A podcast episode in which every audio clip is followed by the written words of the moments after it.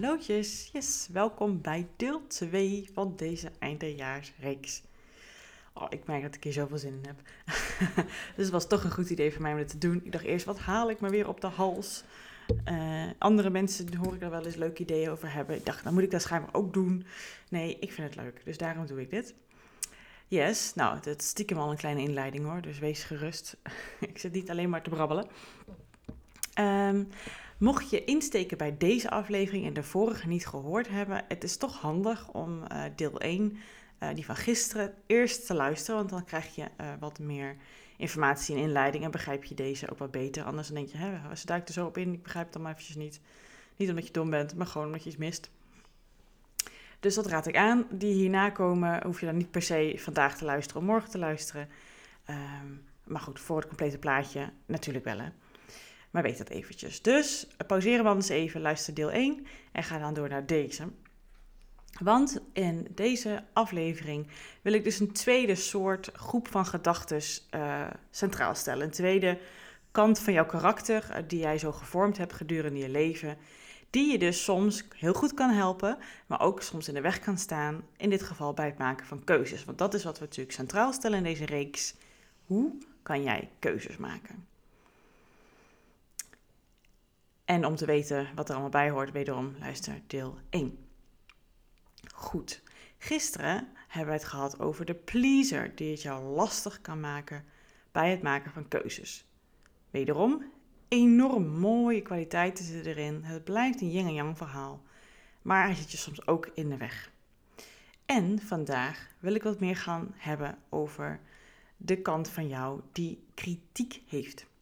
De perfectionist noem het maar zo. Ehm, en die ken ik ook heel goed. Ik pak even lekker makkelijk twee van mezelf, die enorm aanwezig zijn.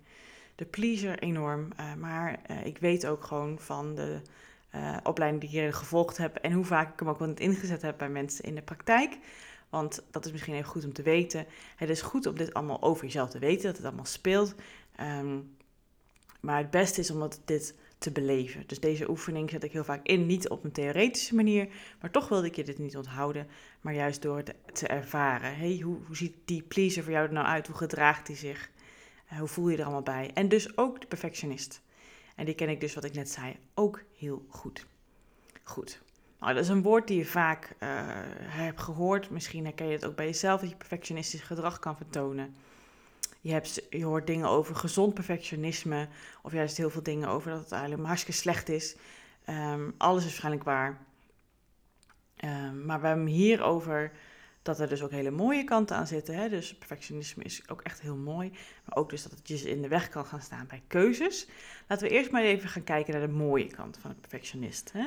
Want net zoals bij de pleaser, meestal, en we blijven natuurlijk Nederlanders, hè, die zien alleen maar de nadelen vaak uh, de minder mooie kant als nuchtere Hollanders dat we zijn. Um, ja, de perfectionist heeft dus ook prachtige kwaliteiten.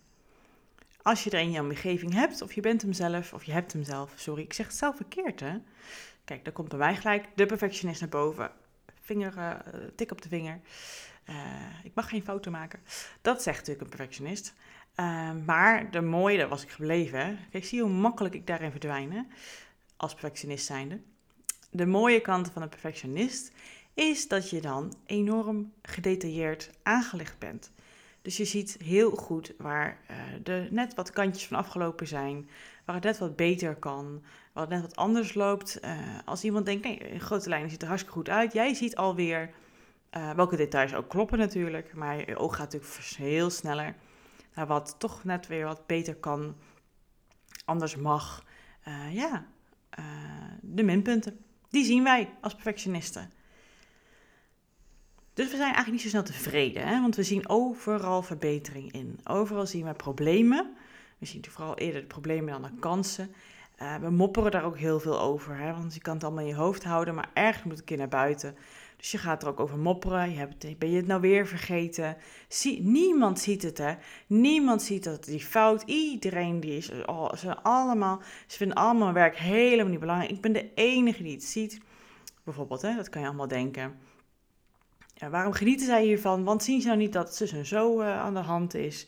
En op de weg bijvoorbeeld ook, hè, er wordt weer ingehaald en ze zien het maar weer niet. hallo, ik ben er ook nog. Dat kan erachter zitten een beetje.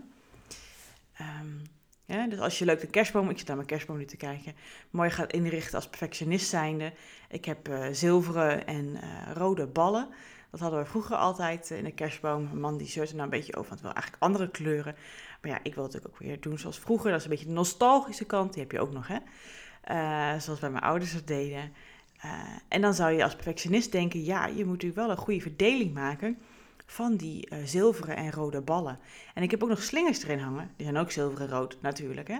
En dan wil ik natuurlijk niet te veel zilveren ballen bij de zilveren slinger en te veel rode ballen bij de rode slinger. Want ja, dan is daar weer de balans uit. En zo kan een klusje als een mooie kerstboom uh, maken enorm frustrerend zijn. weet ik uit eigen ervaring. En dan heb je leuke kerstmuziek op en dan doe je het misschien samen met je man het inrichten. En toch denk je, ah, stom klusje. Ja, als perfectionist kan je je leven best wel uh, moeilijk maken. Maar je, de mooie kant is dus dat jij alles ziet. Alles valt je op. Je bent een aanwinst in het team. Want als ze jou niet hadden, maken mensen fouten. Ja, want jij ziet ze allemaal. Die kunnen gemaakt worden of die al gemaakt zijn. Ja.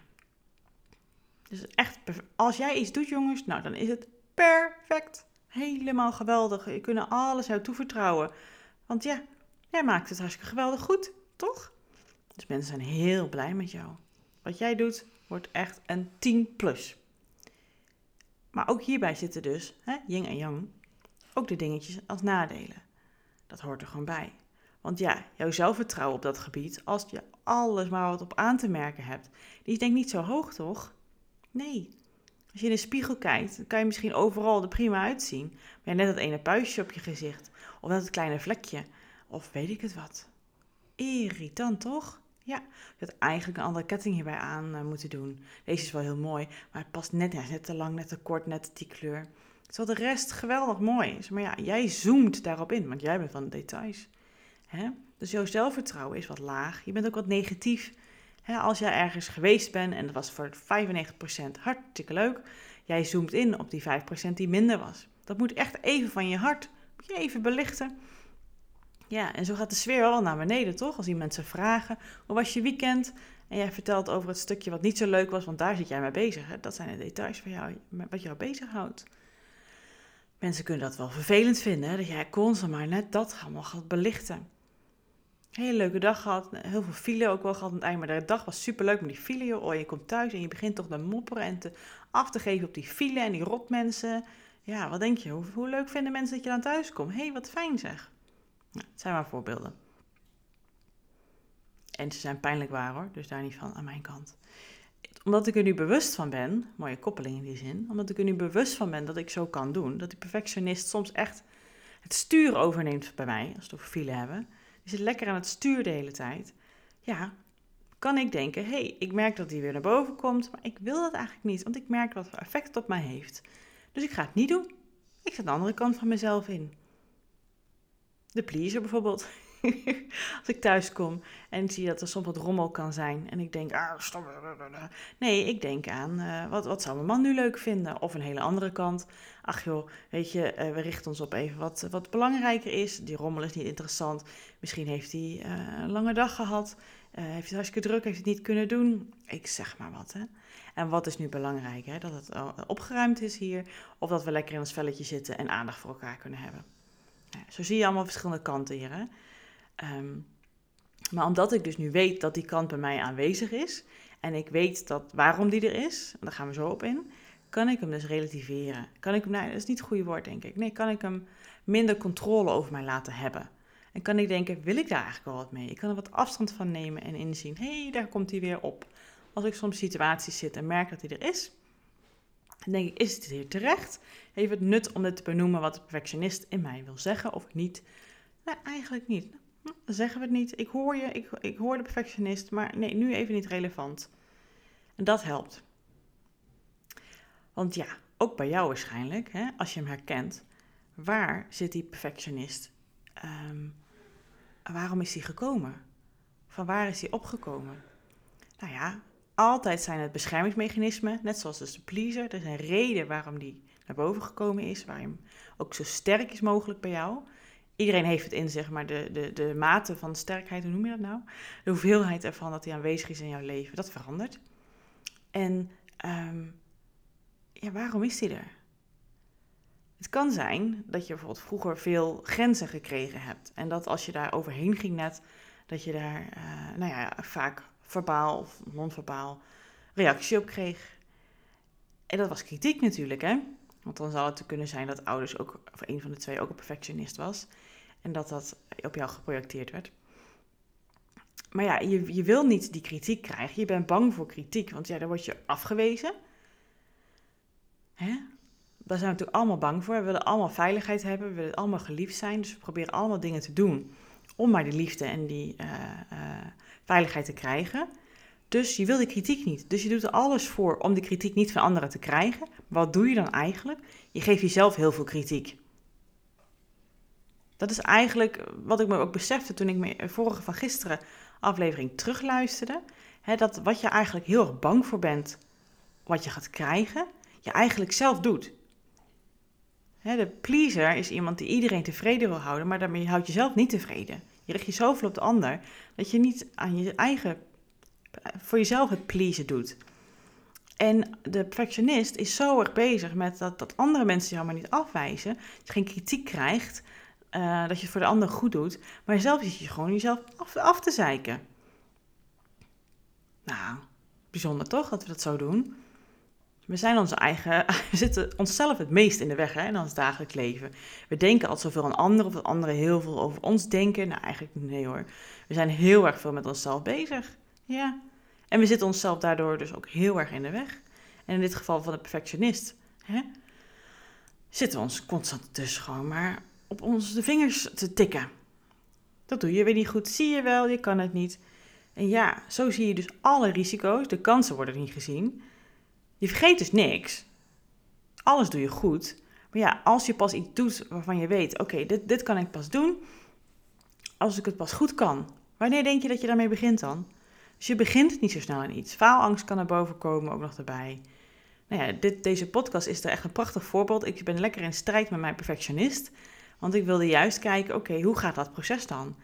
Uh, ik hoor dat ik, als ik soms aan het knippen ben, dat je die overgang hoort, dat ik soms tegen een microfoon stoot. Maar dan denk ik, ja, daar gaat het niet om. Ik wil juist een beetje die perfectionist in de ogen kijken en de andere kant van de perfectionist die in mij ook zit, meer de ruimte geven. En dat is ook deze podcast dus een onderdeel van, dat ik dat meer doe. Degene die meer gericht is op lekker proberen, lekker spelen. De milde kant eigenlijk. Vooral is het beste woord, denk ik. De milde kant van, uh, van mij. Die aardig is en in kan leven. hey, geef, geef jezelf even wat ruimte hier. Gun het jezelf even. En je kan niet gelijk alles goed doen.